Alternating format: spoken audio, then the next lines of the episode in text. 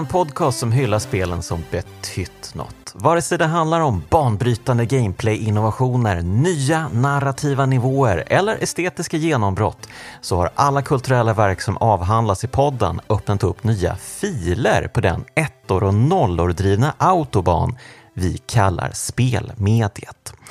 Jag heter Jonas Högberg och idag välkomnar jag Fredrik Eriksson till podden. Hej Fredrik! Hejsan, hej! Tackar, tackar! Hur är läget med dig? Jo, men det är bra. Vet du, jag har ju fått grotta in mig i några av mina favoritspel här de senaste veckorna, så ja, mer kan man inte begära egentligen. Nej, ja, vad skönt uh, att jag kan vara åtminstone delvis ansvarig för detta. Ja.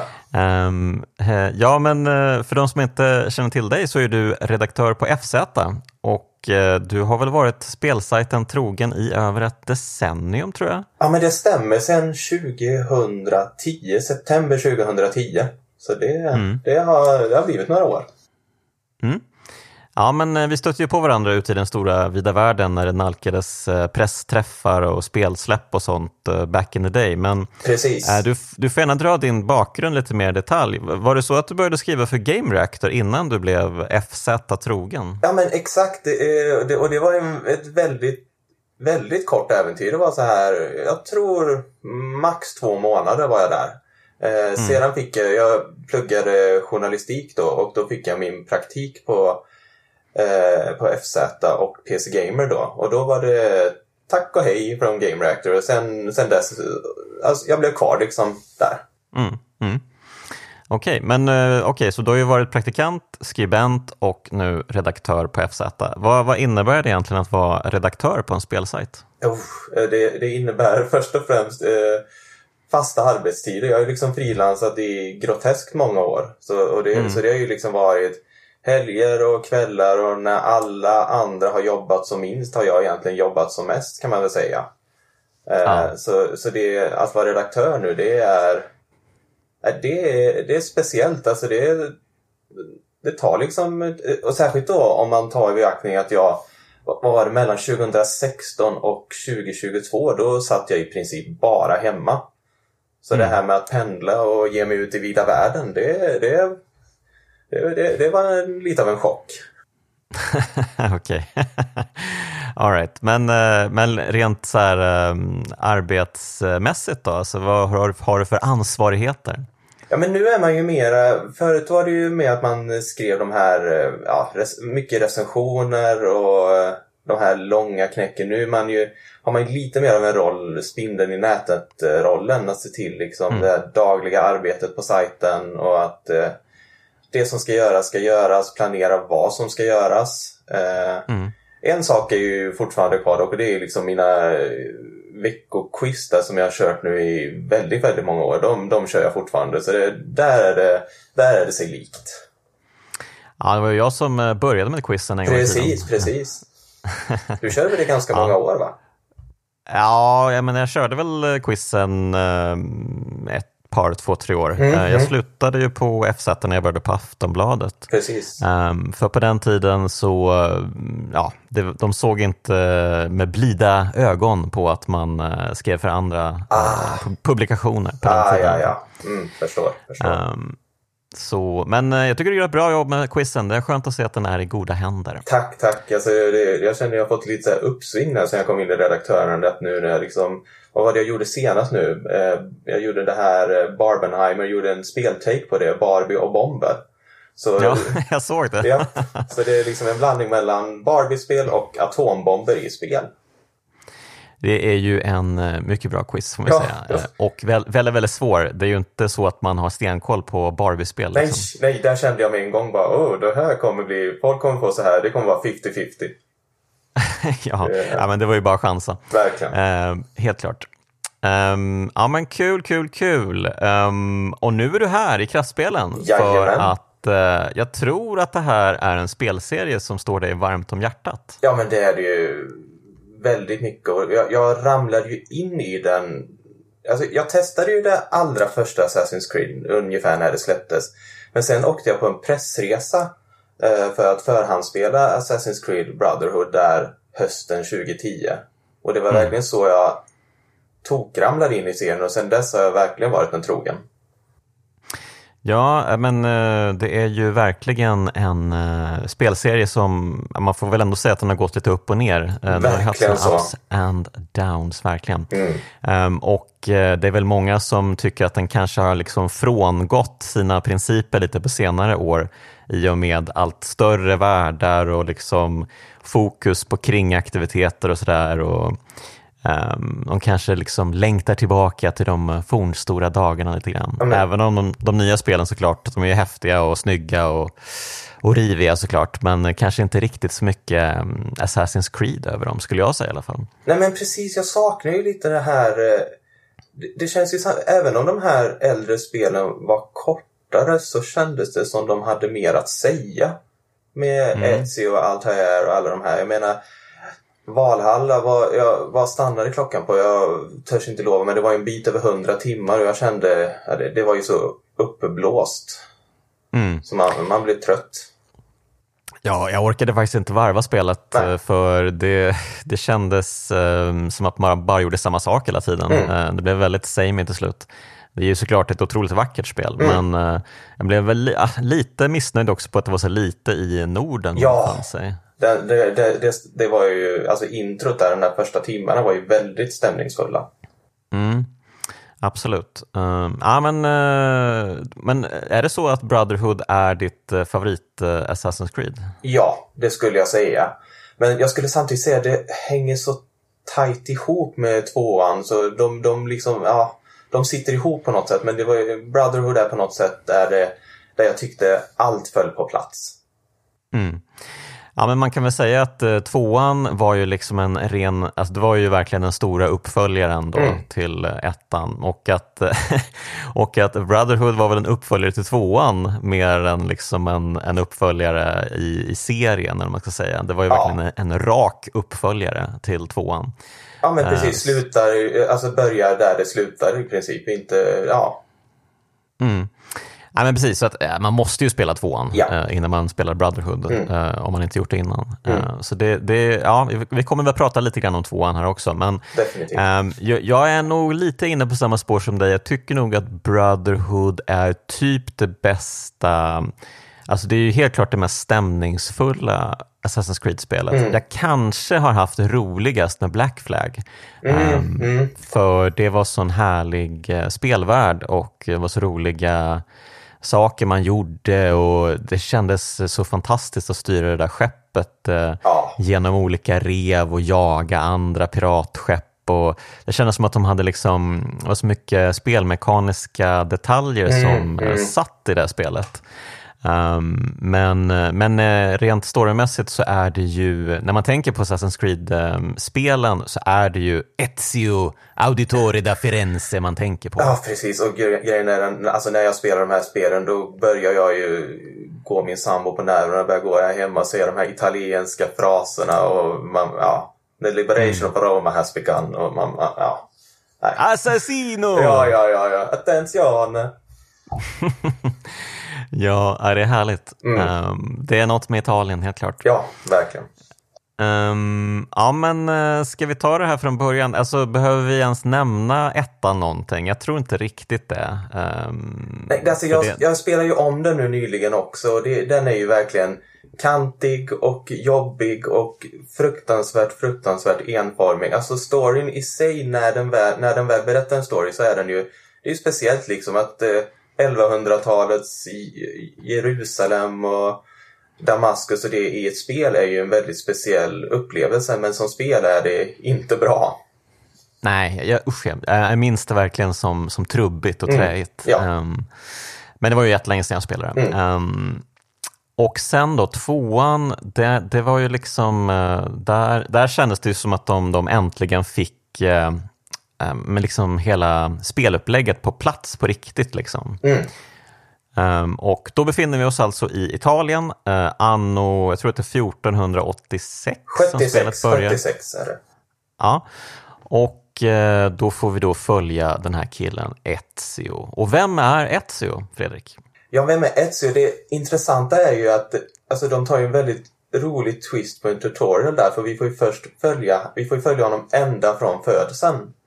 Och där när han föds får vi liksom lära oss, eh, vi får ju sparka med benen eh, eh, med båda händerna och så huvudet och då börjar han ju andas liksom först för när han föds är han ju helt tyst och då blir de helt här.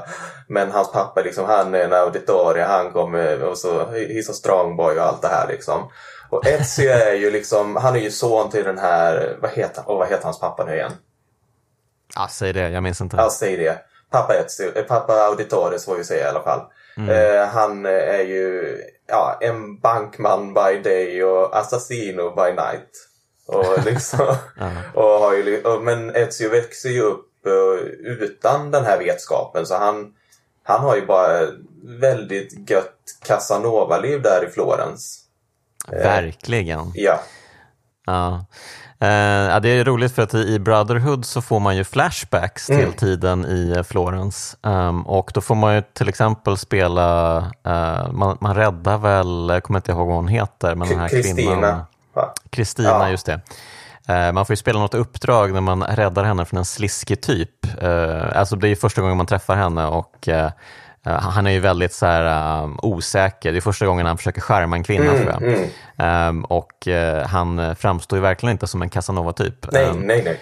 Men det, det, är roligt att uppdraget går ut på typ att man ska typ, um, typ knuffa undan honom och typ uh, skicka iväg honom, den här skurken. Mm. Och det, det är allt som räcker för att hon ska få upp ögonen för alltså det, liksom. ja, ja, du räddade mig, ja men då ska jag självklart gå på dejt med dig. Ja, liksom. ja, ja. Så ja, Eh, rent berättarmässigt kan det väl vara lite trubbigt här med mm. kanske. Men, men, eh, ja, nej, men, eh, men vad är det som händer i tvåan då? Alltså han, han växer ju upp ganska snabbt Ezio när väl hans pappa blir dödad. Precis, hans pappa, hans eh, storebror och hans lillebror blir ju, det är ju en konspiration såklart eh, med de här tempelriddarna. Eh, så, så de ja, hängs ju där mitt på torget i Florens så där rivstartar ju verkligen alltihopa kan man säga. Eh, mm. timmarna innan dess. Alltså, och de timmarna är ju så fina i Assassin's Creed 2. Det här liksom när allt bara är... Man, man liksom går och hämtar någon eh, låda med tavlor hos Leonardo da Vinci. Eh, mm. Gnabbas lite med Ezios mamma där. Och, och vad säger den där repliken. Eh, hon säger du måste liksom hitta eh, något utlopp för, för dina känslor och så säger hon bara besides vaginas och så, ja, gud. det är speciellt och eh, ja, eh, samla lite fjädrar till sin lillebror. Allting är bara väldigt så här trevligt och härligt och så, ja, hängs ju de där mitt på torget och han får reda på hela den här att hans pappa var en uh, assassin och uh, där börjar han bygga upp sig själv. Mm. Just det, och eh, ja, har man spelat ettan så vet man ju att Assassins var ju faktiskt, eh, det var ju ett, ett, eh, ett folkslag, eller det var, de bodde väl liksom på en specifik plats och kallade sig själva för assassiner. Mm, um, och det var väl egentligen ursprunget till det. Och mm. sen så har det fått sina efterföljare um, och med liksom olika grenar lite här och var i världen. Och um, den kanske mest framstående under 1500-talet är väl den i Italien helt klart. Då. Precis, precis. Och där, nu går vi händelserna lite i förväg, men det är ju i tvåan, eller i tvåan säger jag, ja, tvåan till tvåan, Brotherhood, eh, som Ezio blir ju mentor där för hela brödraskapet. Just det. Um, ja, nej men uh, och uh, jag spelade ju inte tvåan, jag har ju bara spelat Brotherhood så jag minns inte exakt mm. allt som hände där men man vet ju i alla fall att det slutar ju med att han lyckas till slut ta sig till Rom då och um, för det finns ju um, en, en skurk då som heter Rodrigo de Borgia och uh, han har ju blivit påve tror jag i slutet av spelet. Pope Alexander numera. det... wow, okej. Okay. Uh, och uh, han tar väl sig in i palatset. Uh, det är väl i syfte att döda honom? Jag tror men, det, va? Ja. Men det blir ju inte så. Jag minns inte exakt varför han valde att skona honom. Just den biten kommer jag inte heller ihåg, för jag har ju spelat tvåan nu, men jag har inte hunnit spela igenom hela tvåan. Men det, okay. mm. jag gissar väl på något sätt att, för det, det är här han får den här, ja, synen från hon Minerva.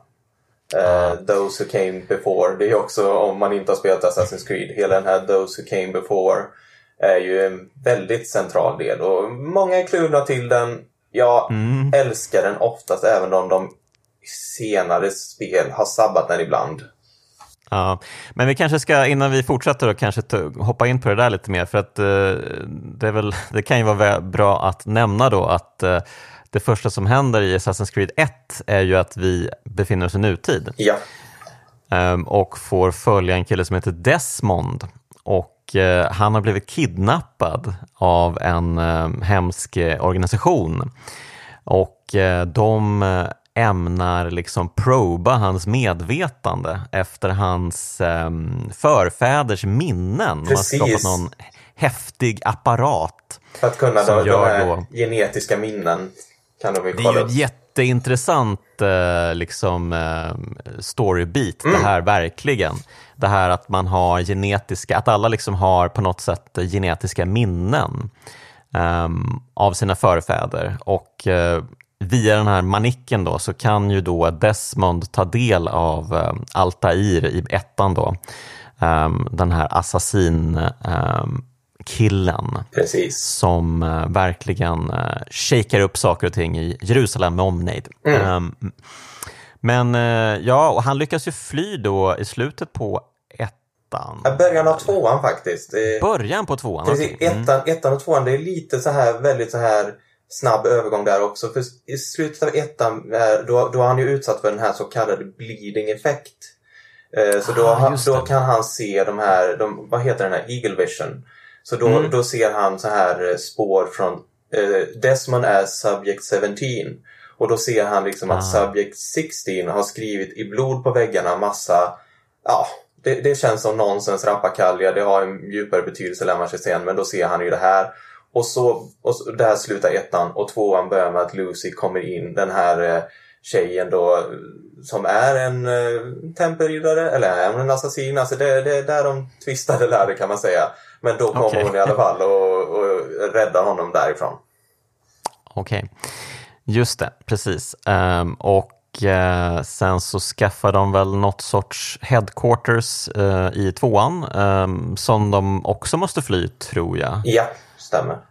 Det mycket, flykt, mycket flykt här, mycket i nutid alltså. Um, och, uh, för, och i, för i början på Brotherhood så kommer de väl till eh, Villa Auditore. Precis, uh. den här lilla staden man mer eller mindre bygger upp där i under tvåan. Då får mm. man ju se den i nutid som ja, någon sån här preservation site eller vad man ska kalla det. Just det, just det. Mm. Ja men eh, precis. Eh, och eh, de, så det finns ju då Templars och assassiner eller assassins. Ja. Och det är liksom två olika organisationer eller två mm. olika, ja vad ska man kalla dem? Det är, inte, det är ju mer liksom någon sorts um, being of life, eller vad ska man säga? Ja men lite så, så här sällskap som båda vill på något sätt förändra, alltså Tempelriddarna menar att de vill liksom förändra världen genom ordning och reda. det, det, det, inte, det, det, låter ju väldigt snällt när man säger så men de vill liksom, mm. ja, folk, folk ska inte tänka själva utan de ska liksom, ja, bli lamm till de här och då ja. använder de det här till exempel, de har, det finns ju så här skatter från those who came before. Och där finns till mm. exempel det här Apple of Eden som gör att man kan liksom kontrollera människor. Mm. Och, och, nu måste vi prata lite om de här Those Who Came Before. Ja. Uh, för om man då har noll koll på Assassin's Creed-serien så tror man ju kanske att uh, ja, ja, man hoppar väl runt i olika tidsåldrar uh, och spelar um, alltså spelar olika karaktärer och eh, det, det, är väl så det är de här spelen. Men alla spelen har ju liksom en koppling till varandra. Och det är, den eh, går ju långt tillbaka i tiden, alltså väldigt långt tillbaka i tiden. Ja. Alltså hur, hur långt ungefär, vet du det? oh, det minns jag inte nu, men det är liksom före för historia, alltså människan. Det måste ju vara, ja. det måste ju vara hundratusen år typ. Ja, det eller? måste vara, precis, precis. De hade ju liksom någon civilisation där som, som förstördes. Och då på något sätt... Någon Atlantis-liknande civilisation kanske? Precis, ja. precis. Och där kommer vi återigen in på det här, de här nya spelen, de är ju så himla stora och långa. Så jag har inte riktigt... Det finns ju en Atlantis-DLC till Odyssey och det, ja, det, det, det, det ja, det, det, är en väldigt krånglig historia. Men eh, den går långt tillbaka, så kan man sammanfatta det. Och det var en civilisation som ja, föll. Mm. Man, kan väl, man kan väl lugnt sagt eh, säga, tror jag, att Ubisoft har väl hittat på det här lite allt eftersom. Ja, ja det, känns in, det känns inte som att de hade koll på allt det här från första början. Nope, nope. För de, de, de säger ju emot sig själva ibland och det är liksom väldigt virrigt också stundtals. Mm. Det känns inte som att eh, det var någon master planner som satt från början och bara skissade ut allting. Nej. Ja, men så här började allting och sen så kommer vi ha de här spelen. Utan det var liksom bara, ja men vi har en cool uh, setting här, ja men vad sägs om Italien, 1500-talet, mm. ja, mm. och sådär liksom. Och det, det känns ju på något sätt fram till Assassin's Creed 3, det här med eh, när man är i Amerika, det här frihetskriget, då, då kändes det som den hängde ihop rätt bra. Sen dess har det varit lite, ja, ups and downs mm. kan man väl lugnt säga. Men det känns ju lite som att de sköt sig själva i foten för de, alltså trean avslutade ju Desmonds mm. historia. Mm. Um, och där tappade de väl lite den här liksom, det här ankaret som ja. fanns. Uh, för de försökte ju skapa ett nytt ankare i den här karaktären Laila, heter hon va? Precis, uh, precis. Leila. Precis. Men, men det blev också lite så här luddigt för man fattar inte riktigt uh, vad som var grejen sen. För att uh, hela grejen med Desmond är ju att han ska förhindra att världen går under. Mm. Det är ju liksom väldigt basic och uh, så här, oh, det är verkligen lite tröttsamt också. Men men, det, men de, de, the ancient ones har ju då sett att det ska komma någon gigantisk solar flare. Um, och att de har då byggt något sorts skyddssystem över hela planeten. Mm. Som uh, nutidens människor måste försöka lära sig att aktivera. Ja. Um, och uh, ja, det, det, det, är ju liksom, det kan man ju köpa, det, det låter ju bra. Mm. Och så. Men, men sen eh, när väl Desmond har gjort sin plikt i slutet på trean och eh, han dör ju också till och med, mm. eh, så undrar man ju lite, jaha, eh, och ni ska göra mer spel, okej. Okay. Vad, eh, ja. vad ska väldigt, vi kämpa för då? Ja, det blir väldigt mycket att Abstergo då, de här nutidens tempelriddare kan man sammanfatta det med. Att de håller på och gör tv-spel. Ja, det, blir... det är så konstigt. Det är så himla konstigt. det, man, man, uh. ja. Ja, mm. nej, det, det, vi behöver inte gå in så mycket på det, men det tycker jag mest att det är roligt att de, de verkligen har, uh, ja, de har slingrat in sig ordentligt, uh, Ubisoft, ja. i, uh, i storynätet här får man säga. Jag kan ju säga det att Valhalla, det här senaste, det känns ju också som en liten avslutning på den här historien de har berättat nu ett tag och den historien tyckte inte jag riktigt eh, föll på plats för i Valhalla. Då tänker jag på liksom så här nutidshistorien. Så mm. det, det, blir spännande att se vart de ska ta vägen nu. För visst, nu kommer det här Mirage här snart och det, det känns ju som ett litet mellanspel. Men eh, sen, ja, sen har de ju, usch, jag, jag skrev någon nyhet på FZ att de verkar ju ha 11 Assassin's Creed-spel på gång och det känns som att de slutar utveckla andra spel för att bara göra Assassin's Creed-spel. Så Ubisoft känns lite som... Det, det, det, det, det känns lite kaos nu. Ja, men det är lite maskinartat att mm. bara liksom pumpa ja. ut de här spelen. Det, det har ju blivit um, Call of Duty av allting. Verkligen. Um, jag vet inte om... Alltså, de, är man intresserad av att spela ett nytt Assassin's Creed varje år? Jag vet inte om jag är det. Det, det känns... Um, Ja, Nej, alltså... men det, är klart, det är klart, de kommer ju till olika världar och olika platser och så och eh, de, det ryktas väl att det blir eh, feodala Japan nästa gång efter Mirage. Precis, men, Red, det där Codename Red har de ju och sen har de Codename Hexi som ska vara häxprocesserna i någon Rom, någonting Ancient Rome. Ja. Okej. Okay. Ja, men, ja, ja. Alltså, jag, kommer ju säkert, jag, kommer, jag kommer ju säkert mm. spela dem någon gång, men, men det känns inte så här brännande viktigt att oh, jag måste spela nya Assassin's Creed, utan mm. jag känner väl att de har tappat bollen lite grann. Um, men, mm. men uh, låt oss återgå till när Assassin's Creed var bra då. Precis. Till uh, Assassin's Creed uh, Brotherhood. För nu har ju då Ezio Auditore da Firenze, han har blivit eh, den stora lönnmördargestalten i Italien, eh, assassinernas ledare. Han har besegrat Rodrigo de Borgia, inte dödat honom, vilket jag tyckte var väldigt märkligt. Men, um, och han har tagit sig ner i ett valv i Rom där den här The Ancient Ones har liksom en skattkammare kan man väl säga, mm. där det här äpplet som du pratade om, The Apple of Eden, finns. Mm.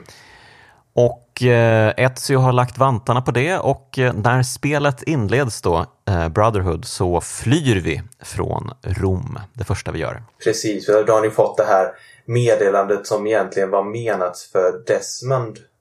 Eh, och det, det, Ezio förstår ju inte riktigt det. Va, va, vem är Desmond? Han, han, han börjar fundera på detta väldigt mycket. Men där när vi börjar som du säger, vi flyr ju där från Rom och det känns som att Ezio, han vill, han vill chilla nu.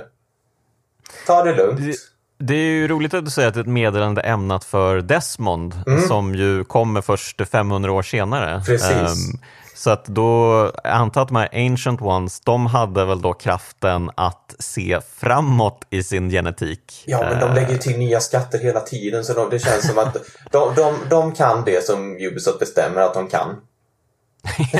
Ja, ja, ja, så här, jag, jag, tycker väl att det är lite beige, hela den, den biten med mm. The Ancient Ones och allt det där. Mm. Ehm, det blir lite konstigt för min del. Men men jag tycker att det är härligt när vi väl befinner oss i Italien och eh, får hänga med Ezio, för då, då är det här ett riktigt gött spel. Ja. Um, och uh, ja, men han, uh, han flyr ju Rom då, tar sig tillbaka till Villa Auditore och har en liten pow-wow med sina närmaste, mm. där bland annat Machiavelli ingår. ja, ja, ja, precis. Och han, han är ju grinig för att Ezio inte dödade både Rodrigo Borgio och hans son Cecere. Eh, var, var Machiavelli med i tvåan också? Ja, det var han. Eh, hade inte, har inte kommit så långt när han kom med så jag kommer inte riktigt ihåg hans roll där. Men han, han har väl lite av en spindeln i nätet eh, roll i de här två spelen. Ja, just det. Um, och nutida människor kanske då främst känner Machiavelli som författaren till Fursten. Mm.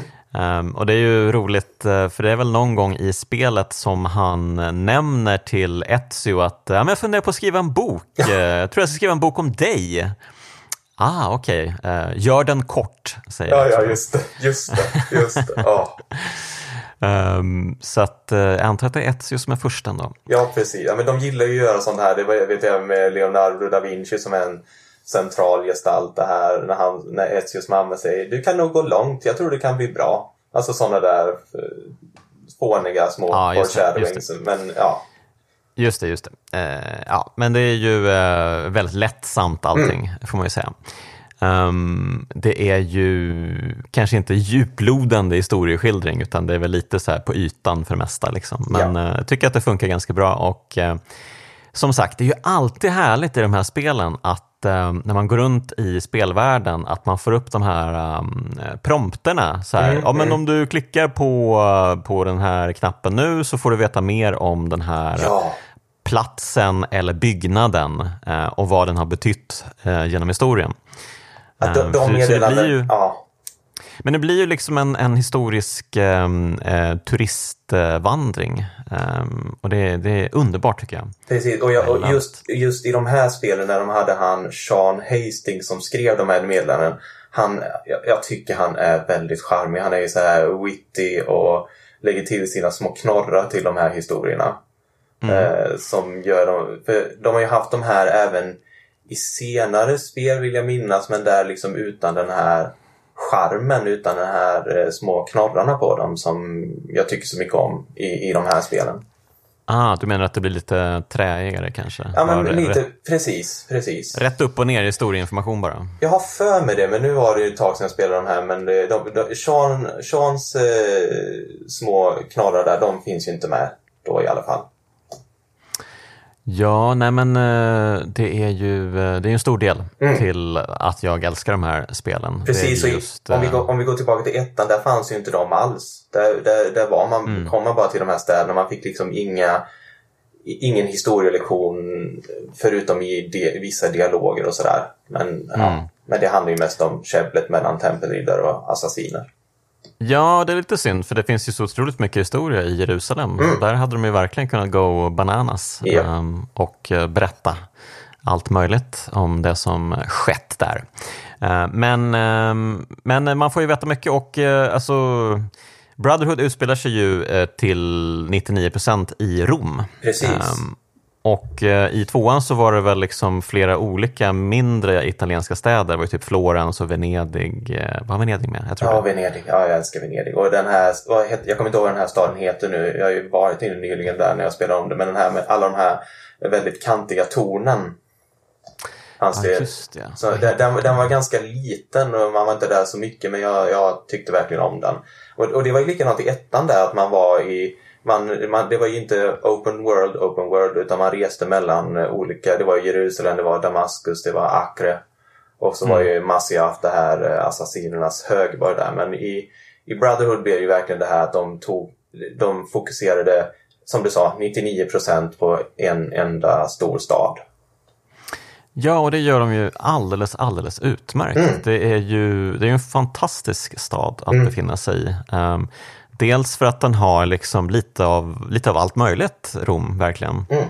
Um, speciellt på den här um, tiden i, um, i historien, uh, 1500-talet, när vi har liksom hela det här att det är kyrkan som styr allt och processioner, det här påvepalatset, Eh, men samtidigt alla de här liksom historiska lämningarna som finns ja. än idag. Jag menar Colosseum som tornar upp sig och eh, Pantheon. Och, ja, men det, det, är ju verkligen fantastiskt charmigt att bara liksom uh, stryka runt i Rom anno 1500 typ ja. um, och njuta av the sights. Um, en stor del för mig att jag älskar det här spelet också. Mm, men jag håller med. Och om man jämför med bara, bara en sån liten sak. Jag, när jag, jag märkte det när jag gick från tvåan till Brotherhood att människorna i staden i Brotherhood, det känns mycket mer levande. I tvåan så gick de där träigt runt, runt, runt. I Brotherhood finns det mer liv, det finns mera, de står och samtalar, de, det, det, det är en mycket mer levande värld. Med så här ja, små men... detaljer lyckas de med på ett jäkligt fint sätt. Ja, men du har ju verkligen rätt i det. För att eh, när man är inne i eh, stan, stan, alltså mm. med alla, med alla liksom små hus och sånt och springer runt i, det är ju väldigt så här klaustrofobiskt stundtals um, i de här liksom, um, stadskvarteren. Um, och eh, där måste man nästan ta sig upp på topparna och springa på hustaken mm. liksom, för att komma fram. För att är man på gatorna så är det ju massvis med människor och visst, man kan ju springa fram som en ångvält liksom och bara försöka bricka folk, men eh, då blir ju vakterna sura på en. Ja, och sådär. Ja. Mm. Och det, det, är en att, grej med eh, mig och de här spelen, att jag vill liksom spela dem jag dras ju in i den här, så här renässans-elegansen. Jag vill liksom så spela, jag, jag, vill spela jag vill spela elegant. Jag vill liksom inte springa in i människor och vara allmänt mm. GTA-jobbig eller hur man ska uttrycka Nej. det. Nej, men jag förstår verkligen vad du menar. Man, man, man bryr sig om de här människorna lite grann mm. faktiskt. Trots att det är enkla iskar som inte har så mycket, Nej, som inte har så mycket AI. Men eh, det, det är mm, precis, de är, de är fint klädda, de är liksom Um, alltså de, de gör ju verkligen inte mycket väsen av sig, men, men bara det att det är med en stor folkmassa mm. um, gör det intressant och sådär. Precis, för det, där kan man se, liksom se framstegen också om man går tillbaka till ettan. För där i ettan, i vissa städer fanns det väldigt mycket tiggare som sprang fram till Altair, då, huvudpersonen där. Och de mm. loopade samma eh, dialog om och om igen. Så man, man, ah, man, blev, man blev helt vansinnig. Just some mm. coins, just a small coins, it's all I ask, just a few coins. Och man, man bara känner det, det börjar gå i huvudet på en, liksom bränna till. Dags, dags, eh, dags för en GTA-exkursion um, här, dags att mörda allt man ser. Liksom. Exakt! Ja. Nej men, eh, ja, nej, men så känner jag inte alls. För att, alltså, man, om man dödar någon i uh, Assassin's Creed Brotherhood då får man ju liksom upp en prompt som mm. säger ajabaja, uh, Ezio dödade inte oskyldiga. Uh, jaha, oj, jag spelar alltså jag, jag, liksom, det, jag tycker det är intressant det här att de, de verkligen pikar en. De säger åt en mm. att det här är inte din spelupplevelse. Det här är Ezios spelupplevelse. Ja. Precis. Att det, är liksom, det är en stark karaktär som är starkare än din vilja. Liksom. Mm. Det är jätteintressant. Mm -hmm. um, och att om du liksom dödar en till oskyldig, då kommer du liksom desynkroniseras från honom och komma tillbaka till Desmond. Precis, och då um, avviker man väl från, från de här minnena, eller vad man ska kalla det, och, och ja, mm. kastas ut. Ja men precis, för att, eh, för att Desmond ska kunna befinna sig i den här världen så måste han ju bete sig som Ezio. Mm. Det, det, det tycker jag är superintressant. Mm, mm, mm. Um, och det hade jag gärna sett att de utforskar lite mer också. Det här att kanske Desmond också har en egen vilja och vill göra saker, Mm. men att det krockar med eh, det Ezio faktiskt, eh, vem han var som person och vad han ville och sådär. Precis, precis. Ehm, ja, men ehm, ja, det, det lustiga då är ju då att eh, vi i eh, Villa Auditore och uh, Machiavellis eh, mycket uh, bistra uppsyn när Ezio berättar att uh, nej men uh, jag dödade inte Rodrigo de Borgia. Jag bara, va? Varför inte det? Ja, men jag kände att det behövs det inte riktigt. Det är om det. Nu vill jag berätta om mitt meddelande jag hörde från den här. liksom. Nej, det är väldigt lustigt. Ja, men alltså, för det var ju liksom, det var väl ändå hela grejen med tvåan att just Rodrigo de Borgia skulle bita i gräset. Precis, Häm, hämnden liksom också för att det var ju han som låg bakom hela hans familjs död och att hans mamma i åratal, hon var ju helt, hon var ju i, ja, vaken koma i många, många år till exempel. Hon var så traumatiserad av hela den här händelsen. Och mm. Sen när han väl, ja, det, det, jag håller ju på, som sagt på att spela igenom tvåan och jag har återgått till det lite grann. Jag ser när jag kommer fram till det här, vad, vad, vad fasen hände där egentligen? Varför, ja. Ja, nej, men jag tycker ju att det är jättemärkligt. Mm. För, ja men, ja men verkligen, alltså, det känns ju som att han är rent av pantad här, Ezio. För att han måste ju fatta att okej, okay, jag lämnar tempelriddarnas ledare vid liv. Mm. och drar tillbaka till min, min härliga, mysiga lilla by. Han har säkert lärt sig sin läxa. Alltså han måste ju fatta att de, de kommer komma, ja. tempelriddarna. De kommer ju vara supersura. Ja. Uh, han måste ju, att han inte liksom förbereder alla på att oh, men alltså, de, kommer, de kommer snart. Herregud vad dum jag var som lät honom leva. Alltså de kommer komma när som helst. Men han bara, nej men nu är allting lugnt och ja, ja. allt är över och jag har äpplet och äh, nu kan jag chilla liksom. Han börjar, liksom. han börjar till och med fundera lite på vad han ska göra nu. Precis, vad ska jag göra nu? Jaha. Nej, men, nej. Så det, det kan jag tycka... Mm, eh, det, det, är dumt ja. på något sätt och det är tramsigt och det är ändå konstigt charmigt för jag tycker jag sitter liksom och fnissar åt det för hans naiva... Men det känns liksom inte... Det känns... Nej, det är konstigt. Det är bara konstigt. Jo, men alltså jag förstår ju att Ubisoft tänkte väl hela tiden när de gjorde tvåan, för de hade väl liksom Brotherhood, de höll väl på med det samtidigt, för det kom ju ut året efter mm, tvåan. Precis. Um, och att det liksom hela tiden var planen att ja, men sen så gör vi liksom en ren uppföljare och placerar den i Rom. För att i, i, i tvåan så är man ju bara i Rom, bara i det här påvekvarteret i Rom i slutet precis, av spelet. Precis. Man får ju inte se Rom överhuvudtaget. Man tänker ju, va? Får jag inte, får jag inte vara i Rom? Fan vad det, taskigt av er. Det, man är väl där, det känns som en halvtimme eller någonting. Det, ja. ja det, mm. Precis, jag, jag, tänker väl att de redan hade liksom planerat ut det här. Att ja, men äh, han får väl överleva då, Rodrigo, så att vi har en, en antagonist i, två, i um, nästa spel också. Men det lustiga är ju att han inte blir antagonist i spelet. nej, nej, nej. Enter Cecere och Lucretia och ja. Ja, så att, ja, jag tycker att det är lite märkligt, för han får ju inte så mycket utrymme i spelet heller, den här Rodrigo. Nej. Nej, men precis. Um, och sen och Etsy får inte ens döda honom i spelet. Så det, det löser ju Chechari åt honom. Ja. Ja.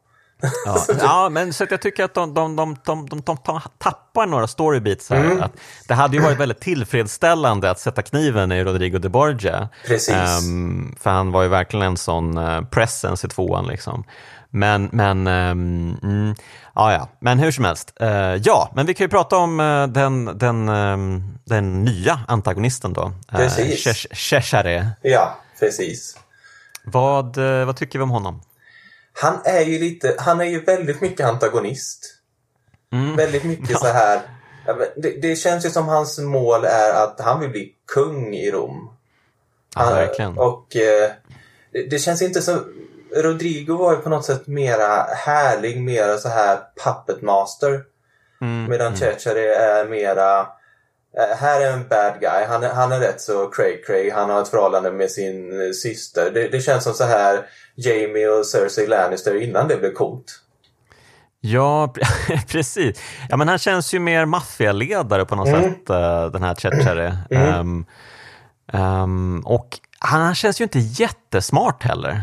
Um, som du var inne på, Rodrigo kändes ju som att han hade koll på läget, men uh, det får jag aldrig intrycket att Cheshire har. Nej, han nej. är liksom mer brute force liksom. Precis.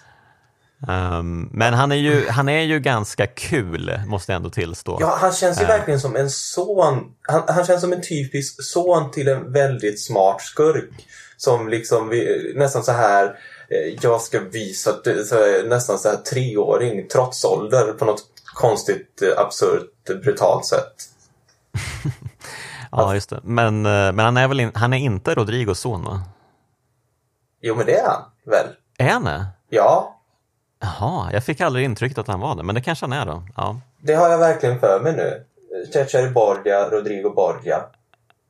Ja, ja men eh, det kanske var så. Jag, jag, jag, för att han... Ja, men, och sen, jo, jo, men så är det ju. Och Lucrezia är ju eh, eh, dotter och syster då och i, i, i verkligheten har det väl ryktats lite grann om att hon hade att det, var grejer med både pappan och brodern och ja incest, Just det. incest. För man, får, man kan ju läsa på om karaktären också eh, Mm. i spelet. Man får ju ofta upp de här promptsen när det dyker upp eh, de här karaktärerna. Mm, mm, Så kan man ju läsa på om Lucrezia de Borgia. precis. Men det finns ju många tv-serier. Det finns väl en tv-serie som heter Borgia till och med. Um, Precis, jag började titta på en av dem för några år sedan. Såg aldrig klart men jag tror det finns två stycken hyfsat stora, rätt moderna. Som handlar om hela de här, eh, ja, dysfunktionella familjen. Ja, men den verkar ju väldigt intressant och man, Mm. hade ju gärna, man hade gärna sett lite mer av dem också, Ja. känner jag. Um, tycker att de blev lite underutnyttjade här. För Ezios familj känns ju inte alls intressant i jämförelse. Alltså de är ju mest... ehm, Alltså mamman och syrran är väl de som är kvar för att eh, hans farbror Mario, It's Han blir ju dödad. Mario. ja, verkligen. Han, han sa ju så i Eh. tvåan när man träffade honom första gången. Fantastiskt. Ja, är- Eh, mycket bra. Mm. Men, eh, men han blir dödad eh, när liksom, tempelriddarna kommer då till Villa Auditore för Surprise, att hämna, surprise. hämnas och ta tillbaka äpplet. Mm. Ja, precis. Ezio bara Va? Kommer ni? Det trodde jag aldrig. Alltså, oj. Åh gud alltså. Hur kan man vara så naiv? Ja, fantastiskt. Mm. Ja, men precis. Men, eh, och eh, de, de får ju lite, de får ju vara de får ju lite mer agens i det här spelet. Eh, Hans syrra blir ju, för hon kommer ju sen till Rom och eh, hjälper till med att styra upp eh, de prostituerade i staden. Eh, Exakt till någon sorts- Ezios stora. Bara, Vad gör du här när hon är liksom, när, när, hon- när han träffar på henne där på den här bordellen? Här, Ja, hon blir bordellmamma. Det är lite otippat. Mm. Eh, Men, och, och det är inte så att man får eh, stifta jättemycket bekantskap med henne och eh, vad hon har för liksom dubier kring det här eller kvinnans roll i det här liksom, italienska samhället. Utan det är bara, nej men jag kan väl bli bordellmamma, det är lugnt. Det känns ju också lite som att för i tvåan så satt hon ju där bara i, i det här Villa Auditorio och bläddrade i de här räkenskapsböckerna och hade hand om finanserna. Så det känns som att hon, bara, hon gör vad som helst bara hon får göra någonting annat. Jag tror hon satt där så här i 20 år eller någonting och höll på med ja, Villa Auditorios finanser och... så det, Okej, ja, men eh, då kanske hon bara känner att ah, jag gör vad som helst. verkligen. bara det Omväxling blir för någonting dig. annat.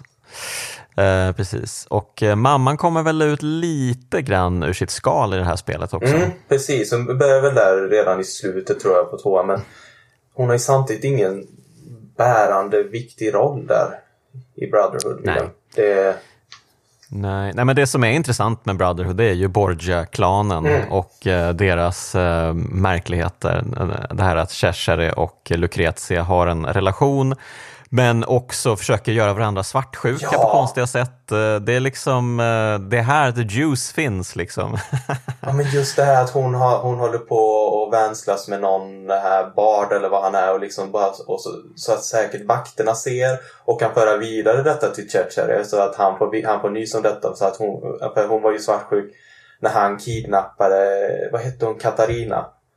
Mm, hon bara, mm. gjorde, du gjorde du någonting med honom i vagnen? Där hon slår ju Katarina där i cellen bara för hon är så himla svartsjuk. Just det, precis. Um, ja, men jag gillar ju verkligen Lucrezia. Hon är ju härlig. Um, mm. Hon är skönt crazy. Ja. Um, och uh, alltså, hon känns ju helt klart som uh, den karaktär i spelet som är mest italiensk. Eller liksom mm, så här, mm. uh, vad ska man säga, mest den här eh, schablonbilden av en italiensk kvinna verkligen. verkligen. Ehm, men, men det är ju härligt att de verkligen går all in på henne, att de verkligen får bli den också. Ja men det tycker jag. Men, och som du sa det man, man vill ju ha mer av det här Borgia-göttet nästan bara för att det är så himla, ja det är så himla twistat. Ja men precis, jag hade ju gärna spenderat mer tid med dem till då. Um, det hade varit kul med något uh, uppdrag, man kanske infiltrerar dem och får hänga med dem och prata med dem lite och sådär. Precis, um, liksom gömma sig i deras sovrum och allt det här. Ja, en, en, det hade ju dag, varit jättekul. En dag ja. med Borgias liksom. Ja men verkligen, det hade ju varit underbart. Ja. Um, ja, ja, tyvärr då så blir de ju mest uh, a foil för um, Ezio då. Um, och um, han, ja det är ju lite så här, han befinner sig i Rom. Mm. Hans uh, uppdrag då är ju att uh, han ska, han har lovat, okej okay, okej, okay, jag fattar, det var dumt att låta Rodrigo leva. Jag ska döda honom. Men det tar tid. Ja. Ganska lång tid ganska lång tid. Det är väl sju år är det väl eh, som det här spelet utspelas. Eh, ja. Och, och, man kan ju känna lite så här, eh, ska det verkligen behöva ta sju år för en mästerlönnmördare att döda påven?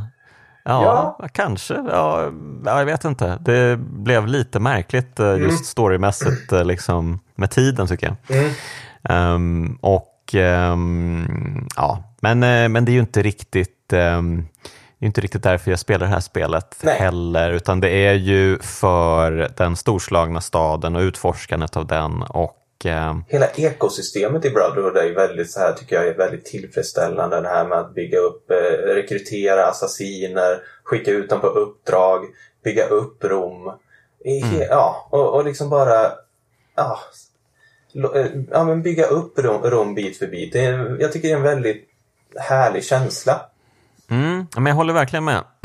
Ehm, jag kan ju tycka att de senare Assassin's Creed-spelen, då, då blir det ju overkill på allt. Det här mm. att man ska ha tusen olika saker att göra hela tiden. Och kartan ser ju hemsk ut. Den ser ju hemsk ut med alla dessa, det här kan du göra, det här kan du göra, det här kan du göra, det här kan du göra, det här kan du göra, det här kan du göra. Liksom, den ja. är helt plottrig med grejer. Aj. Och man bara, uh, give me a rest, alltså, ta det lugnt. Mm. Alltså, får jag bara chilla lite? Ta, mm. alltså, jag behöver inte allt det här. Nej, men de behöver inte um, slänga saker på en hela tiden, utan just det här att bara chilla i Rom, att bara liksom springa över takpannorna när det är solnedgång och mm, nej. Ja men det är oslagbart, verkligen. Mm. men det är ju som du säger också, det är ju ganska roligt att um, ta över Rom, för mm. det gör man ju verkligen. Ja. Um, för dels kan man ju um, ta sig till specifika delar där det finns så här Borgia Towers. Precis. Och eh, då ska man lönnmörda, eller lönnmörda behöver man inte göra, men man ska döda en uh, kapten där tror jag. Precis, och de har lite olika svårighetsgrader, de har lite olika, vissa är ju så här att de flyr också. Ja, just det. Eh, och jag, jag, tycker de har, alltså, fått, de har fått en bra liksom, liten twist där på de här så kallade Ubisoft-tornen. Ja, just det. det... precis. Um, ja, men precis. Och sen när man lyckas döda dem så måste man eh, klättra upp för tornet mm. uh, i liksom bästa Prince of Persia-stil då och uh, uh, sätta eld på tornet. Man måste och, sätta eld på det, annars fattar inte folket att det är liksom liberated. Just det. det är bra. Ja. Uh, med tydliga symboler är viktigt här. Uh, så att, och då blir själva området runt om, det blir då liberated och uh, då kan man köpa de olika um, affärs... Um, alltså de olika, vad, vad säger man? de olika... Ja men, det, ja men precis, det är liksom banker, det är smedjor, det är... Man kan, vissa så här hus kan bli tillhåll för tjuvar, det kan bli en bordell mm. och mercenaries också. Och, och, och, man kan även rusta upp eh, landmärken så att de... Ja, men det är ju jättekul. Mm, ja. Älskar det, för det, då förändrar man ju, eh, då förändrar man väl också liksom själva um, spel... Um, man kan väl klättra upp på dem mycket lättare då. Och det är så tillfredsställande tycker jag när man väl, man, man betalar den här arkitekten de här pengarna och så ser man så här en time loop när, när det här byggs upp liksom. Det, mm. Jag tycker det är jättefint.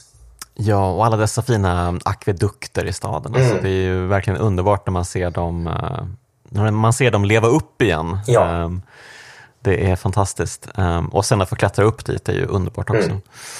Um, mm, men uh, men the, piece, the, the piece de resistance mm. måste väl ändå vara Colosseum? Ja, oh. jösses. Vad, vad kände du första gången du såg Colosseum i Brotherhood? Vad kände man då?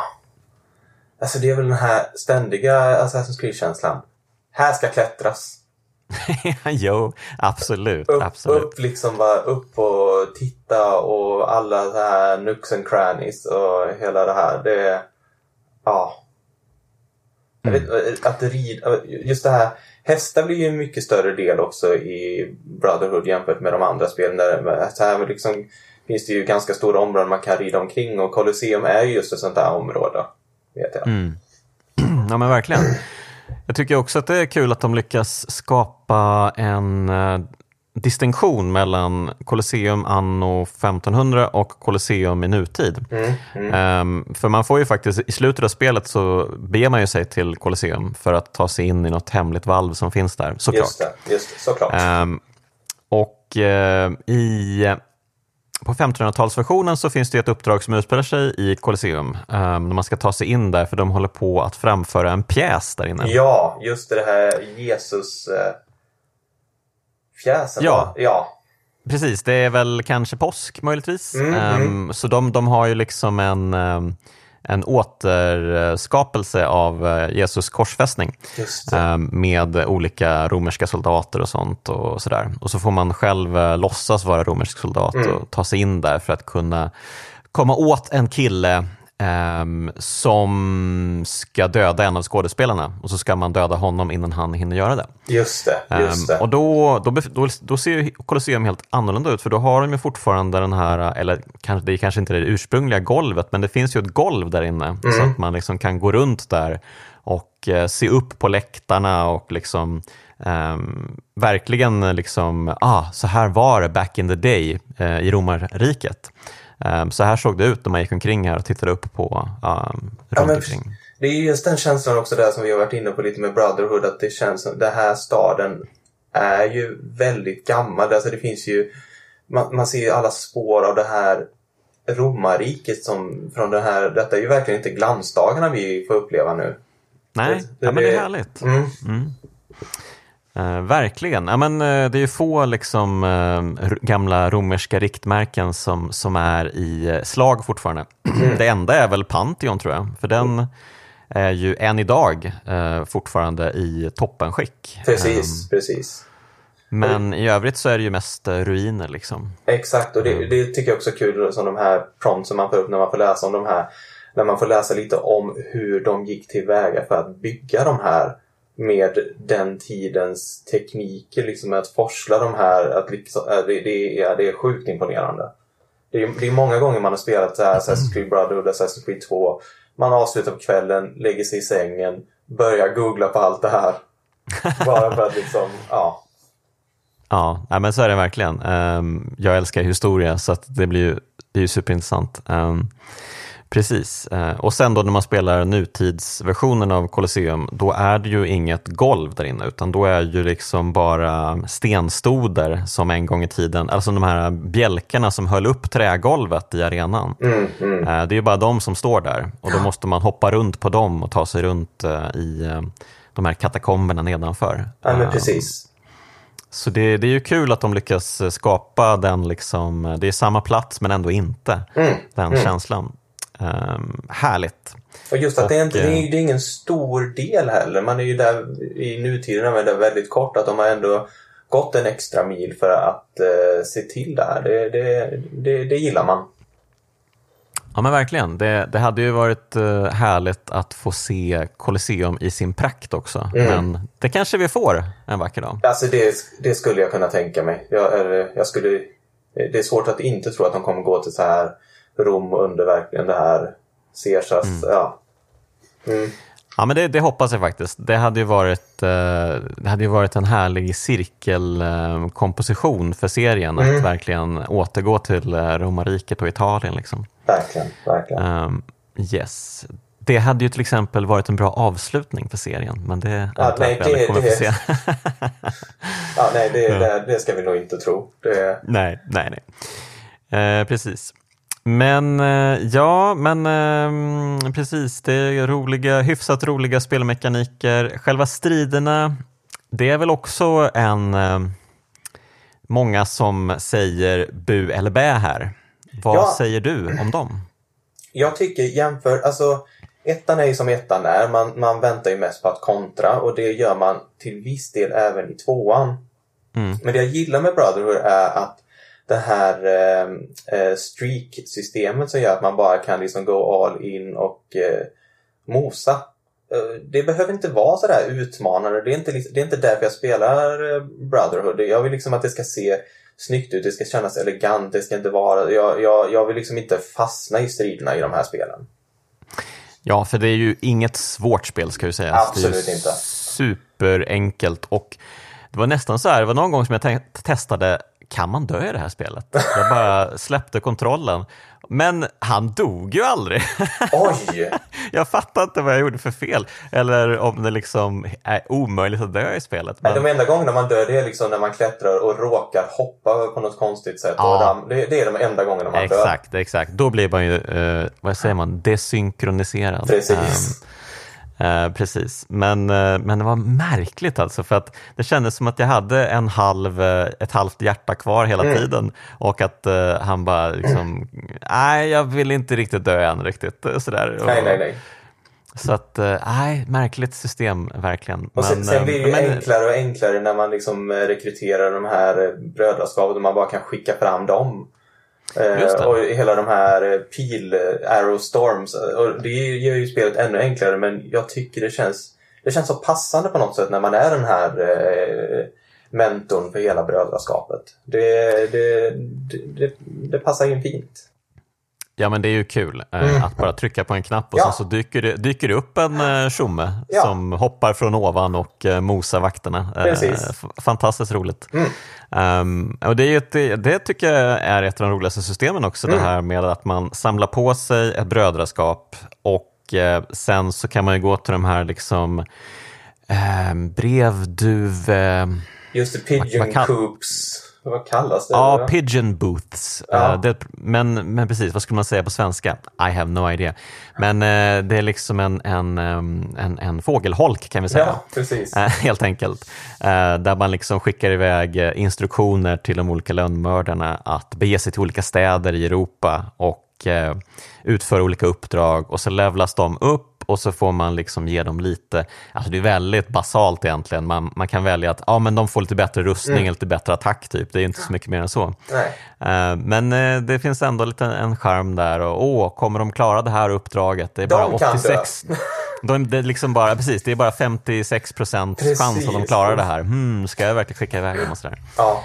Um, ja, men lite charmigt. Ja, men det, som och, du säger, precis. Det, det, är, det är liksom inget bråddjupssystem, men det, det passar så bra in i hela det här ekosystemet. Liksom. sen blir de ju starkare, man skickar ut dem i faktisk tid. Och skickar man iväg dem, då har man dem inte tillgängliga förrän de kommer tillbaka heller. Just det. Så det är en liten mm. avvägning där. Precis, då har man ingen hjälp sen när man stöter på patrull. Precis. Just precis. Men eh, det här är ju också ett spel eh, som inte bara fokuserar på liksom den här klassiska gameplay-loopen. Ehm, det var väl så liksom förr i tiden att de tänkte mer på set pieces i Assassin's Creed-spelen. För det dyker ju upp enstaka uppdrag där man verkligen, då det verkligen händer grejer. Ehm, man får ju till exempel eh, träffa på Leonardo da Vinci igen, han är tillbaka i stan. Ja. Och eh, då ska man försöka hitta hans ehm, blueprints på olika liksom, manicker han har uppfunnit åt Borgia-klanen. För de har ju liksom kommit åt honom och bett honom, mm. ja men du med ditt geni ska hjälpa oss att uh, uppfinna liksom, kulsprutor och belägringsmaskiner och allt sånt här. Liksom. Mm. Um, och då får man via olika uppdrag då man får ju komma iväg till landsbygden lite här också. Man kommer ju till lite andra platser. Ja men exakt, där, då, då, som vi sa förut, det är 99 procent i Rom. Men då, kom, då kommer de här små andningshålen, eller vad man ska kalla dem. Mm. Som är lite mer så klassiska banor. Ja, jag tyckte det var jätteroligt det här uppdraget. Man ska förstöra den här kulsprutan han har uppfunnit. Man kommer ju då till en liten eh, bergsby, tror jag det är. Mm. Um, och så ska man smyga sig runt. Det är ganska frustrerande. Man får inte bli upptäckt för då är det tillbaka till början. Och det, den, den typen av um, den typen av gameplay är jag inte så förtjust i. Men, och den, men, har, den, har ju inte, den har ju åldrats mindre väl och, och just det här man kan ju inte ducka eller någonting. Det hade inte det introducerats Nej, väldigt... man kan inte ducka ja. Vad fan är det för sätt? Det är så konstigt. Det var, var det i, jag tror det var i Unity det introducerades första gången. Okej. Okay. Mm. Så när, när man väl ser att någon börjar titta på en då är det bara man får hänga sig ner för någon sån här takpannor för att liksom inte bli upptäckt. Det, det, det, känns ju, det känns ju väldigt kantigt på det sättet. Ja, trots att det då finns en meterhög liksom, uh, mur mm. som man skulle kunna kasta sig under. Mm. Det, det, är eh. väldigt underligt att de, det tog så lång tid innan den grejen introducerades i ett spel om lönnmördare. Ja, för de har ju ändå, liksom, menar, det är ju ganska tydligt att de har plockat den här uh, stridsmekaniken där man kan hoppa mellan fiender och döda dem med ett hugg fram och tillbaka. Det känns ju verkligen plockat från Arkham Asylum i Batman-spelet. Mm, um, och varför hade de inte bara kunnat, hallå, Gears of War gjorde det här toppen, ja. att gömma sig bakom saker. Varför kan inte ni som ändå, det handlar om en lönnmördare som gärna håller sig i det dolda. Varför kan inte han, ja, konstigt. Väldigt konstigt. Men det slutar ju med, helt crazy då, att han hoppar på någon häst och droska, mm. blir jagad och bara det blir värsta Um, ja, men det blir värsta racinguppdraget helt plötsligt. Ja, ja nu, nu, nu är man plötsligt i ett GTA känns det som där när man börjar så här prickskjuta de här. Ja, det... ja men först, först så ska man ju styra hästdroskan en bit mm, och sen så bara, ja men den, den kan väl styra sig själv. Jag hoppar bak på kulsprutan och börjar skjuta på alla förföljare liksom. Ja. Um, ja, lite märkligt men också ganska kul. Uh, det är ju det. inte speciellt svårt det här men, men uh, det, det tillför ju lite adrenalin till spelet mm. helt klart. Ja men det är någon så här, lite annat tempo och eh, no, någon liten skön paus från det här. Även om det är supermysigt där jag går omkring i Rom så är det lite så här studiebesök på ett annat ställe. Det uppskattas. Verkligen. Men eh, och det handlar ju inte jättemycket egentligen om att eh, så här, för i ettan var det ju verkligen fokus på själva lönnmördandet. Mm. Man skulle lönnmörda vissa personer och det var jätteviktigt och sådär. Eh, men i Brotherhood så handlar det ju inte så mycket om att lönnmörda specifika personer utan mycket det här att bara bygga upp hela organisationen egentligen. Precis, det finns ju två stycken där innan man kommer men det, i både tidigare och senare spel är det ju mycket med fokus på att det är en så här helt äh, en hel blomma med blomblad med olika som man måste liksom plocka innan man kommer in till mitten där för att komma åt ledaren. Varför mm. man aldrig kan komma åt ledaren direkt det, det är oklart men det, det är ja. så spelreglerna funkar. Ja precis. Um, ja men precis, de hade kunnat göra lite mer, um, vad ska man säga, lite mer free flowing sådär. Mm. Um, om ledaren befinner sig på en plats en specifik tid och man har en jävla röta bara. Ja, ah, men här är han ju. Ah, men, mm. Jag lönnmördar dem. Ah, Okej, okay, jag klarar det. All right, bra. Mm. Ja, och sen så kan... um, men, det, hade varit, det hade varit kul. Men precis, men nu är det ju han, påven eh, Rodrigo Borgia, han, han, han är inte tillgänglig på sju år. För att man måste bygga upp det här. Ja, det, ja um, mm. det är som det är. Ja, det är sådär. Men, mm. men eh, och eh, sen, sen, får man ju då inte nöjet att döda någon själv utan det gör ju eh, Cheshire åt ja, den. Precis, precis. Um, och, men faktum är väl att Rodrigo försöker väl mörda Cheshire? Ja, det, alltså det, det, det är så klassiskt det här familje... Oh, Shakespeare-aktigt på något sätt. Det... Ja, för han, han har förgiftat ett äpple. Mm, just det, just det. uh, och han tar väl en tugga av äpplet tror jag, Cheshire. Mm. Um, och bara, ja du har förgiftat mig. Och så dödar han uh, Rodrigo. Uh, och sen så lyckas han ju överleva det här giftet ändå. Precis. Um, är lite oklart vad det var som var grejen med Cheshire egentligen, för det kändes ju som att han var typ odödlig stundtals. Ja, i, och sen, i spelet. Precis, och man får ju liksom inte så att säga the pleasure av att döda honom. Det, han bara, det där, det, vad, ja, vad är det han säger? Det är något, han säger något speciellt, no man can kill me, någonting sånt där och kastar sig Just det. utför. Det, det är på något sätt, jag, jag gillar ändå det slutet för honom. Det, det känns, det känns cray cray passande för honom. För det har vi inte nämnt då, men slutet utspelar sig ju i en helt annan stad. Just det. Um, i Spanien, va, tror jag. Um, mm, I. Viora kanske den heter. Um, och uh, ja, faktum är att man får ju faktiskt uh, se slutet jättesnabbt i början av spelet. Det är ju en sån här klassisk Ja men det här händer i slutet, men hur kom vi hit egentligen? Då Precis. backar vi bandet. Och på Assassin's Creed-manér är ju det här att man kan inte man skulle kunna tänka sig, eftersom man kan liksom se de här genetiska minnena, att man kan gå direkt till slutet, men man måste synkronisera först. Just det. För att komma dit. Det, ja. um, man måste leva uh, hans liv Exakt. för att komma till slutet. Mm.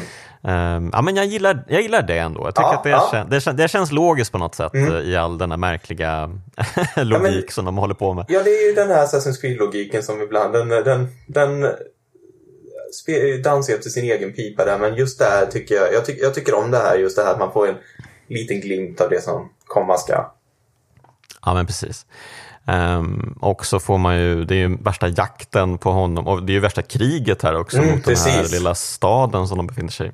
Totalt kaos där. Det... Ja, och, och sen så har man ju en jätte, jättelång strid mot honom och hans eh, kohorter. Um, och den tar ju en evighet verkligen. Man tar verkligen bit för bit tar man av rustningen på honom där liksom. Det, mm. Kanske inte det... Ja, ja precis. Ja. ja precis.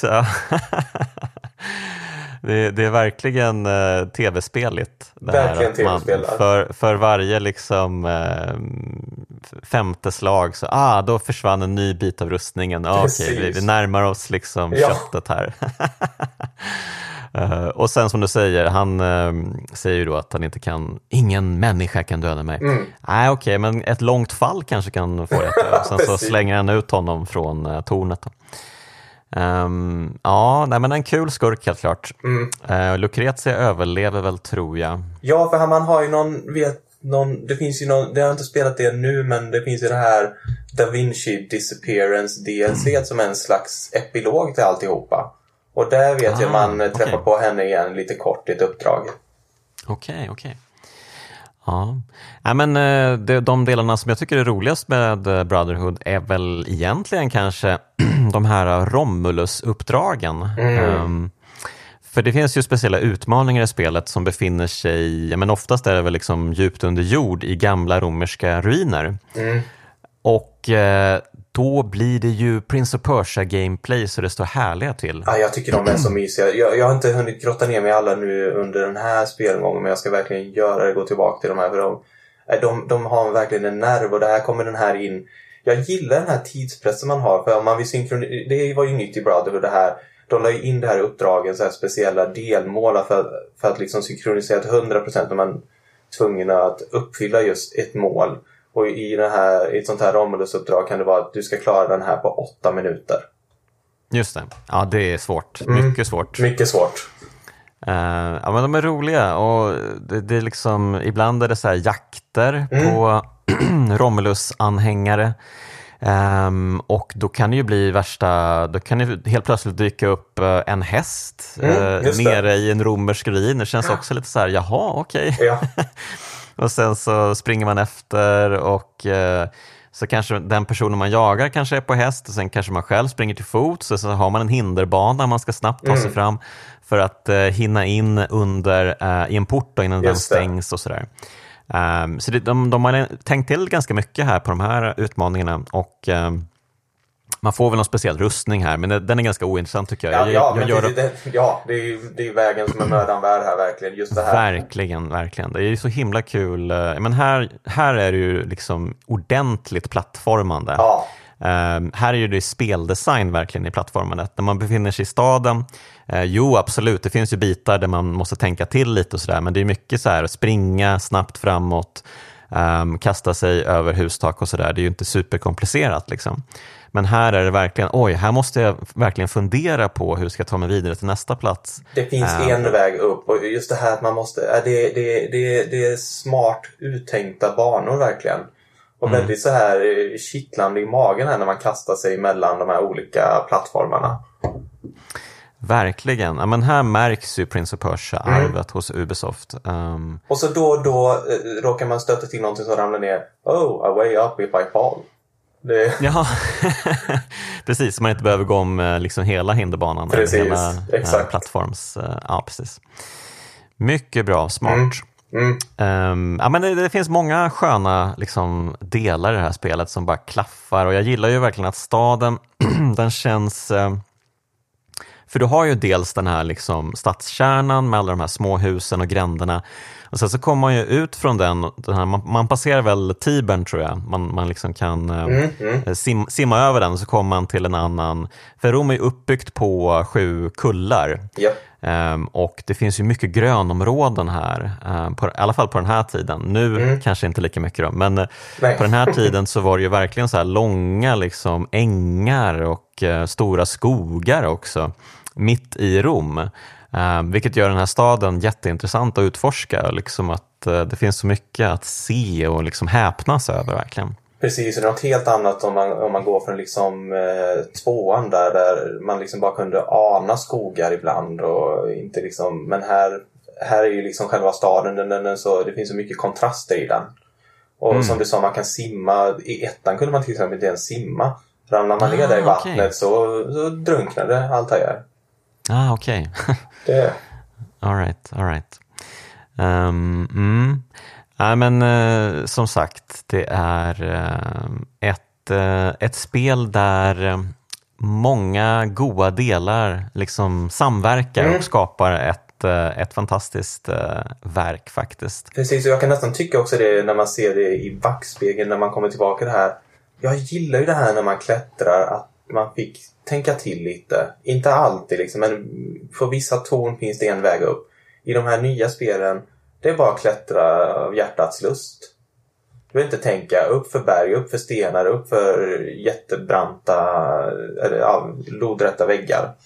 Mm. Det är ingen tanke bakom det längre som det, som det verkligen fanns här. Och det, jag uppskattar det. Mm. Eh, Det dyker även upp eh, plattformsutmaningar för Desmond i slutet av spelet.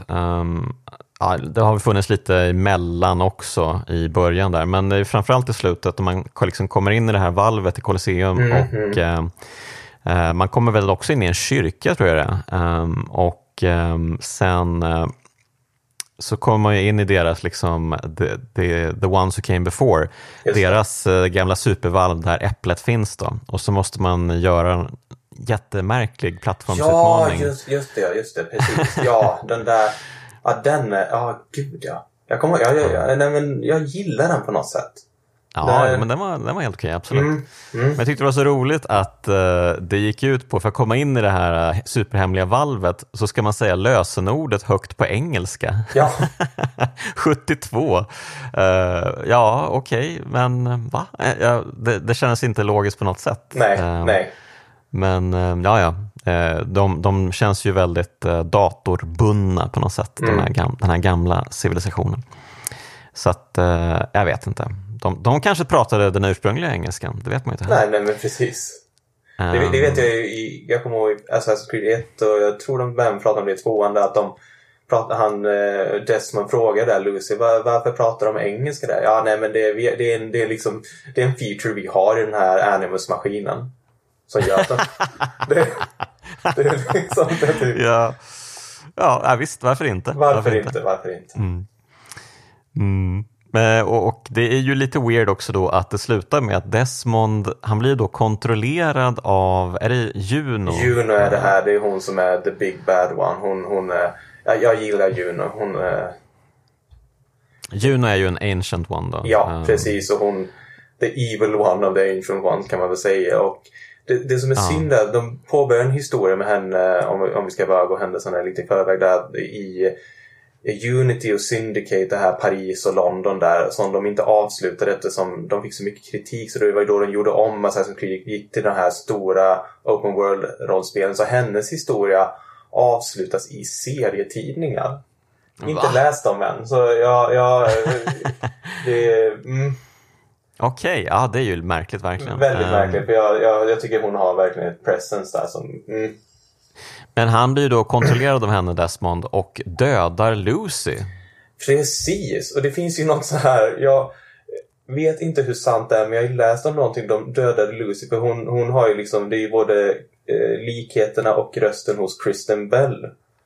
Ja. Eh, och att de inte hade råd längre, eller hur det var. Jag, jag, Ja, Hon ville ha mer pengar tror jag. jag tror det var väl något sånt. Och då kände de bara, nej. Precis, för hon var väl den största skådisen i spelen. Mm, nej, men det, det var hon väl. Mm. Precis. Eh, De övriga var ju inte alls lika kända. Nej. Ehm, mm, Alltså det är verkligen... så det, kan det gå. Mm, cliffhanger igen. Får vi se hur det går för eh, skådespelarfacket nu då i Hollywood. Om de kan Precis. trissa upp sina gage. Mm. Um, Kristen Bell är säkert ute på gatorna. Ehm, Ja. Men, eh, ja, men eh, är det något mer du vill säga om spelet eller ska vi liksom gå direkt på avslutning och eh, du Ja. får sammanfatta? Ja, jag tror, alltså det, det finns så många godbitar. Det är liksom ett stort ekosystem. Jag tror jag täckt det mesta. Mm. Det, det, det tror jag vi har gjort. Men okej, så varför tycker du att eh, Assassin's Creed Brotherhood är ett kraftspel? Jag tycker det är det för att det var här, de här bitarna de hade lagt i ettan som med nöd och näppe gick, eller knappt gick, blev mycket bättre i tvåan och i trean så, eller trean, ja det blir det inte, men i Brotherhood då klappade det ju verkligen.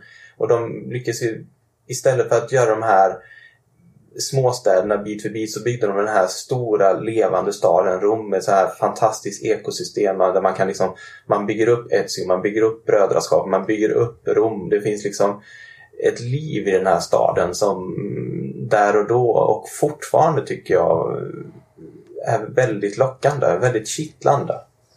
Mm. Jag håller verkligen med och eh, även om jag, jag sa ju det här till dig precis när jag började spela spelet, att jag tyckte det var ganska fult. Mm. Ehm, jag, jag kanske har reviderat det lite nu när jag kommit in i lite mer, det är inte så hemskt fult, men det är ju om man jämför med liksom moderna Assassin's Creed-spel så ser Mm. det ju eh, lite ut som ett härke kanske, men Ja, nej, inte så hemskt. Men, eh, Nej, men Men, jag, jag eh, kan säga det här att gå från tvåan till Brotherhood var en upplevelse. För det är Mm. någonting med ögonen i tvåan som är fruktansvärda. Ah, Det kän, jag, har lite, jag har inte spelat igen det men jag har ju sett liksom bits and pieces av det med Mass Effect Andromeda. De här blickarna. Som det är Mm. helt, man bara känner, öh, de stirrar ner in i ens själ på ett väldigt obehagligt sätt. Så, så där lyckades de göra någon i Brotherhood är det mycket bättre. Ja, men eh, det var inget jag tänkte på att det skulle vara eh, weird blickar i Brotherhood, absolut inte. Nej. Ehm, nej men eh, verkligen, eh, det, alltså, det, det funkar helt okej det mesta eh, med grafiken och um, spelupplevelsen. Striderna kan man ju ha åsikter om såklart, men eh, men, eh, nej, men rent gameplaymässigt är det ju kul verkligen att springa runt i Rom. Eh, ibland är spelet väldigt irriterande, ehm, men ehm, Det har ju det här kantiga Assassin's Creed när man, ska, när, man vill, när man vill hoppa till ett ställe och hoppa till ett helt annat och sånt Ja, där. verkligen. verkligen. Det, är, det är många plattformshopp jag gjort som bara, va? Det var inte alls vad jag ville att den skulle göra. Liksom. Jag ska springa Ehm. fram till den här handelsmannen, springer upp för väggen istället. Så att, ja, det är ju verkligen inget perfekt spel det här, eh, inte på långa vägar. Men det är ett intressant spel och eh, det är nog, jag håller med dig om att det kan mycket väl vara det bästa Assassin's Creed-spelet, kanske med undantag för Black Flag. Men där är det ju mest eh, liksom en, en theme park of fun, Black Flag. Det är ju inte så mycket, jag minns ju knappt storyn överhuvudtaget i Nej, det här spelet. jag kommer inte ihåg just den här assassin-grejen där. För det, just det, det är ju Edward, han bara liksom ramlar över det här bara. Ja, den här var en fin outfit. Och så råkar han bli indragen i hela Assassin's... men- Mm. ja, men precis. Eh, verkligen dumt, men det är lite kul att stöta på alla de här legendariska Ja. sjörövarna såklart eh, i det spelet. Men, nej, men eh, vill man ha liksom den, den um, optimala Assassin's Creed-upplevelsen med eh, verkligen Assassins mot Ja. Templars, då är det ju Brotherhood man ska spela helt Mm. klart. Ja, det är här den känslan verkligen finns där. Den, den, mm, jag håller med. Helt med. Ja, och det är ju lite det här jag hoppas på att Ubisoft ska försöka komma tillbaka till också. Ehm, att Precis. försöka fånga den här känslan igen. Jag, jag, jag läste... Eh, Mirage blir någon slags liten återgång. Det, det ska bli så här actionäventyr 15-20 timmar långt. Redan, där, redan där har de ju mig liksom. Ja, det räcker bra. Tack så mycket. Precis. Och sen har jag hört lite att de ska gå ifrån... Jag vet inte vad jag läste det här, så det här kan verkligen bara... Det kan vara fake news, men att de ska... eh, Det här actionrollspelen de har hållit på med nu ett tag, att de ska liksom försöka återuppfinna det på något nytt sätt. Och det, det hade ju varit fräscht kan jag tycka. Jag, jag, framförallt vill inte jag ha de här upplåsta 100-150 timmars spelen med tre expansioner och ja. Nej, gud. Jag, jag, jag, expansioner. Jag har nog aldrig spelat en Assassin's Creed-expansion. Eh, för, jag, för det har också varit så lite så här, vill man ha mer? Skämtar du med mig? Jag vill ha mindre, tack. Den- Den som, jag har i Mycket minne, mindre. den som jag har i minne det är just den här till Brotherhood, eh, Da Vinci Disappearance. Så den bygger vidare på Ja. storyn på ett bra sätt. Och, och lagom lång liksom med det här. Men jag vet eh, i Valhalla gick de ju overboard för där släppte de först de här två stycken Siege of Paris och någon på Irland. Och sen bara Nej men vi gör någon med här eh, nordisk mytologi också. Vi gör en Ja. Ragnarök-expansion. Så, Ja. ja. Mm, ja, precis.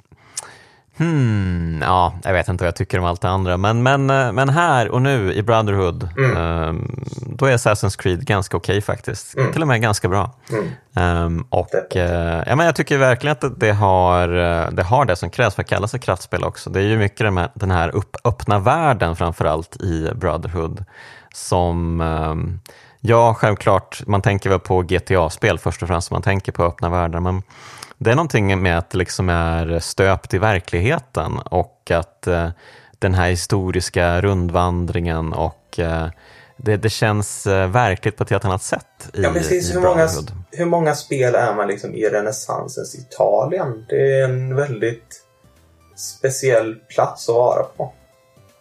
Mm. Det, mm. Ja, och eh, det har varit en speciell plats att vara här med dig också Fredrik. Men eh, nu är det slut och jag tackar Yes. dig för att du var med i Kraftspelen. Tacka, tacka. Och eh, jag tackar er som lyssnat och framförallt alla fina Patreons. Tack för det. Och ett fint tack även till de finfina pojkarna i Bitpopbandet 047 som gör musiken till Kraftspelen. Hörni, vi hörs igen nästa vecka.